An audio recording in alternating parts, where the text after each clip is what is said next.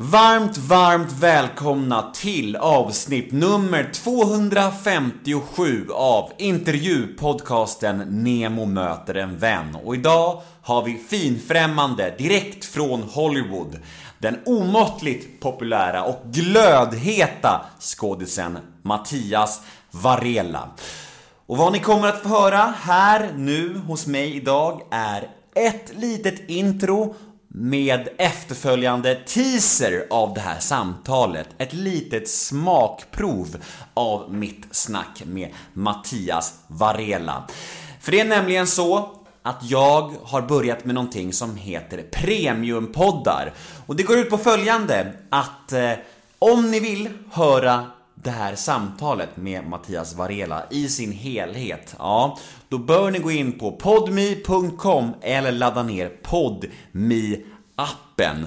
Och väl där inne så börjar ni prenumerera på Nemo möter en vän. Och då får ni tillgång till de här premiumavsnitten som jag släpper då och då. Och det här kostar ingenting första månaden och sen efter den här gratismånaden, ja, då kostar det endast 29 kronor i månaden. Och då får ni avnjuta reklamfri podcast av högsta kvalitet. Vad sägs om Helena Bergström, Bert Karlsson, Magnus Hedman, Marie Göransson? Ja, det är bara några av de premiumavsnitten som jag släppt på Podmi senaste tiden. Så mitt tips är att gå in på PodMe på en gång och registrera er och om inte annat, prova den här gratismånaden. Då får ni tillgång till allt det här jag nyss nämnde, helt gratis. Och så kan ni bara säga upp det efter gratismånaden om Podmi inte passade er. Men jag både tror och hoppas att ni ska vilja fortsätta även efter gratismånaden. För jag tror att Podmi och det här med premiumpoddar för en liten, liten slant, att det är framtiden. Så in på Podmi med er på en gång! Mattias Varela behöver ju ingen närmare presentation tror jag. Han är ju en av de absolut hetaste skådisarna just nu i detta avlånga land och han är med i Hollywoodproduktion efter Hollywoodproduktion och ja, han kom ut till mig i Västerort hit till Hässelby och vi hade ett jävligt nice samtal och det kändes verkligen som att det var ett av de bättre avsnitten på länge. Jag är väldigt tacksam att han tog sig tid och eh, jag tror att ni kommer gilla det här också. Det känns som det. Mattias är en av de mest önskade gästerna i den här poddens historia. Så jag är superglad att det äntligen blev av och eh, jag hoppas ni är glada också. Jag heter Nemo Hedén på Instagram och ni får supergärna följa mig där, då blir jag jätte, jätteglad. Och vill ni mig något, då finns jag på nemohedén gmail.com kort och gott. Eh, ja, och den här podden klipps av Johan Frid. Och nu ska jag nog sluta babbla. Nu tycker jag vi drar igång det här kalaset. Efter gingen som alldeles strax stundar så kommer ett litet smakprov. En teaser av mitt snack med Mattias Varela. Och vill ni höra samtalet i sin helhet, ja, då går ni in på podmi.com eller laddar ner podmi appen Nu kör vi avsnitt 257 av Nemo möter en vän. Gäst Mattias Varela. Rulla gingen. Nemo är en kändis, den största som vi har. Nu ska han snacka med en kändis och göra någon glad. Ja! Nemo, ja det är Nemo. Nemo möter en vän. Nemo möter en vän med Mattias Varela. Hej. Hej! Välkommen till förorten. Tackar. Det tog ett tag att få ihop det här. Ja, verkligen. Vet det du... ett år sedan? Det? Exakt ett år sedan såg jag. Ja, jag kollade vår eh, mailkonversation och det var 52 veckor sedan som vi sågs där på Söder. Det är helt absurt lång Ja. tid. Ja. Faktiskt, när man tänker efter. Visst fan var det du som ändå tog initiativet till... Du, du gav en komplimang om min podd. Jag gav en komplimang och sen sa du, men då gör vi en. Ja, men Det precis. var liksom, jag gav dig en komplimang, alltså bara för att jag tyckte att det var bra. Mm. Inte för att jag ville komma... Eller alltså, det vet fan. Men jag, jag, jag lyssnade ju på Gustavs avsnitt med dig. Ja. I och med att jag och Gustav är barndomsvänner och jobbar ihop och allt möjligt. Och så sa jag så ja men fan, vad bra det var. Och då sa du, tack, eh, när kommer du? Ungefär. Mm. I en mening. Så att det var väl liksom meant to be. Fint ändå. Ja, det tycker jag. Ja. Det, faktiskt. Och Jag tycker det var fint av dig att, att, att säga det. För det är så ofta människor tänker sånt, men man man liksom inte säger det till människor.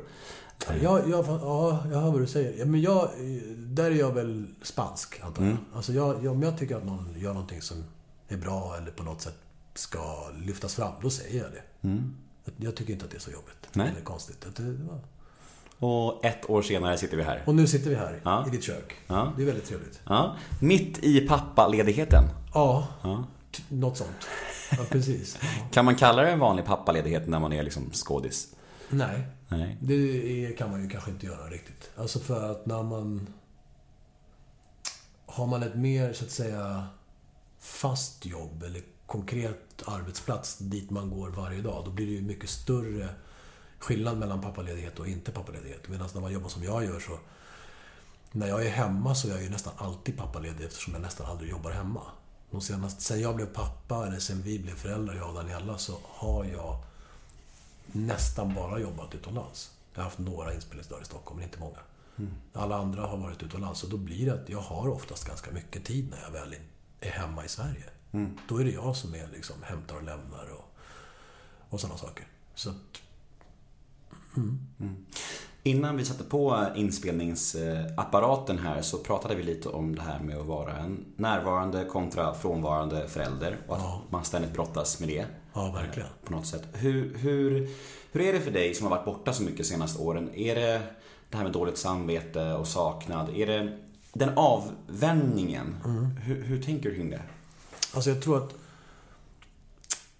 saknaden, den, den är svår att, att komma runt. Det man kan jobba på är det dåliga samvetet. Att där försöka liksom intala sig själv att det man gör är för dem. Och inte bara för ens egna liksom, ego eller ens egna liksom, dröm om, om vad man nu vill åstadkomma med sitt liv. Då. Men, men det dåliga samvetet, det, det är liksom... Det är det man får angripa. Saknaden, den, den tror jag är nyttig och viktig och, och, och, och man måste tillåta sig själv att känna det. Liksom. Det är klart att det stundtals är väldigt, väldigt svårt. Och speciellt om avstånden är stora. Det beror på... När man jobbar med, med, med, med film eller med andra saker som tar en långt hemifrån så kan ju långt hemifrån, det, det, det har ju förändrats. Min syn på vad som är långt bort var ju en annan för tio år sedan när jag började min, min liksom yrkesbana. Då var det så här, ja, men att filma i Göteborg kändes ganska långt bort, för då var det en annan stad. Nu, de senaste åren, så har jag ju inte ens varit i Europa. Då har det varit eh, allt från liksom USA till eh, Mexiko, Colombia, Sydafrika. Då är det så otroligt långt bort. Så då kan man liksom inte leka med tanken att "Men jag kanske kan pipa hem över helgen. Det går inte och det är inte riktigt rimligt heller flyga så mycket så som världen ser ut. Så man får liksom, när man väl har kommit till jobbet, då är man där tills man är klar eller man får en tydlig lucka. Och det, är, det kan vara jävligt svårt att hantera det. Alltså... Jag leker med tanken lite grann ibland att vi ändå har eh, förhållandevis förspänt med den nya liksom, tekniken som, som finns för oss att nyttja liksom, med Skype och med Facetime och allt vad det är. Att det ändå på något sätt underlättar den dagliga kontakten. Jag kan bara föreställa mig hur det måste varit för 20, eller bara för 10-15 år sedan när den här tekniken inte fanns tillgänglig och man förlitade sig på telefonsamtal på fasta linjer. Liksom. Så ja, jag försöker vara positivt inställd till det och tänka liksom att jag, jag kan åtminstone skypa eller liksom se mina, mina barn och min, Daniela då. Eh, och inte bara höra röster. Eh, och det är ju nice, men det är klart att jag har ju precis varit borta nästan ett halvår i Sydafrika. Eh, och innan dess var jag i Sydafrika, och innan dess var jag i Mexiko, och innan dess var jag i USA, och innan dess var jag i Colombia. Så det är ju väldigt långt bort liksom. Och men vad säger Daniela då, tänker jag? Är, är hon alltid så här, gör din grej, det är okej? Eller kan det vara så att hon bara ibland bara, nej nu får det fan vara nog alltså. Nu räcker det liksom. Det är ju, alltså, vi, har haft, vi har ett väldigt bra förhållande om du frågar mig. Jag hoppas hon säger samma sak. Men alltså, jag menar, vi har det väldigt bra på så sätt att vi, vi, vi ser min yrkesbana som ett gemensamt beslut. Alltså allting sköts gemensamt. Jag tackar inte ja till ett projekt om inte hon är okej med vad det innebär, rent krasst. Alltså, var ska jag vara någonstans? Hur länge ska jag vara borta? Vad kommer det här att innefatta? Kommer hon vilja, kunna, orka komma och hälsa på? Kan jag åka hem? Hur ofta kan jag åka hem? Eh, under den här perioden som inspelningen sker. Så att det är en dialog oss emellan, men det är klart att hon har gjort ett liksom, enormt eh, arbete med familjelivet i och med att jag har varit borta så långa perioder. Eh, Sen försöker jag ju såklart att när jag väl är hemma eh, så är det ju verkligen hon som bestämmer tiderna och vad som sker och när det sker och så vidare. Att jag kom 20 minuter för sent idag är inte Danielas fel utan det har att göra med att jag vill att hon ska få ha så mycket fritid och så mycket egen tid som det är möjligt när jag väl är här. Eh, Så då, då anpassar jag mig helt och fullt efter eh, hennes schema, eller hennes val så att säga. Eh, Och försöker vara så, som, nästan som att man överkompenserar med närvaron. Jag hämtar och lämnar konstant. Liksom jag, jag är med min äldre son och även med bebis, vår bebis liksom hela tiden.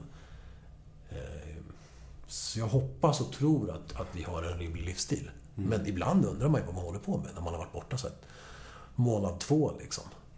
Och inte har kommit hem någonting på två månader eller tre månader, vilket har hänt. Eh, Då blir det jävligt provocerande att ha lediga dagar. Helt plötsligt så filmar du inte på tre dagar.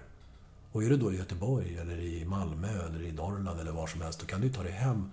Du behöver inte liksom spotta ut avgaser med att flyga. Du kan ju ta tåget. Men, men om du är i Kapstaden och har tre, fyra dagar ledigt.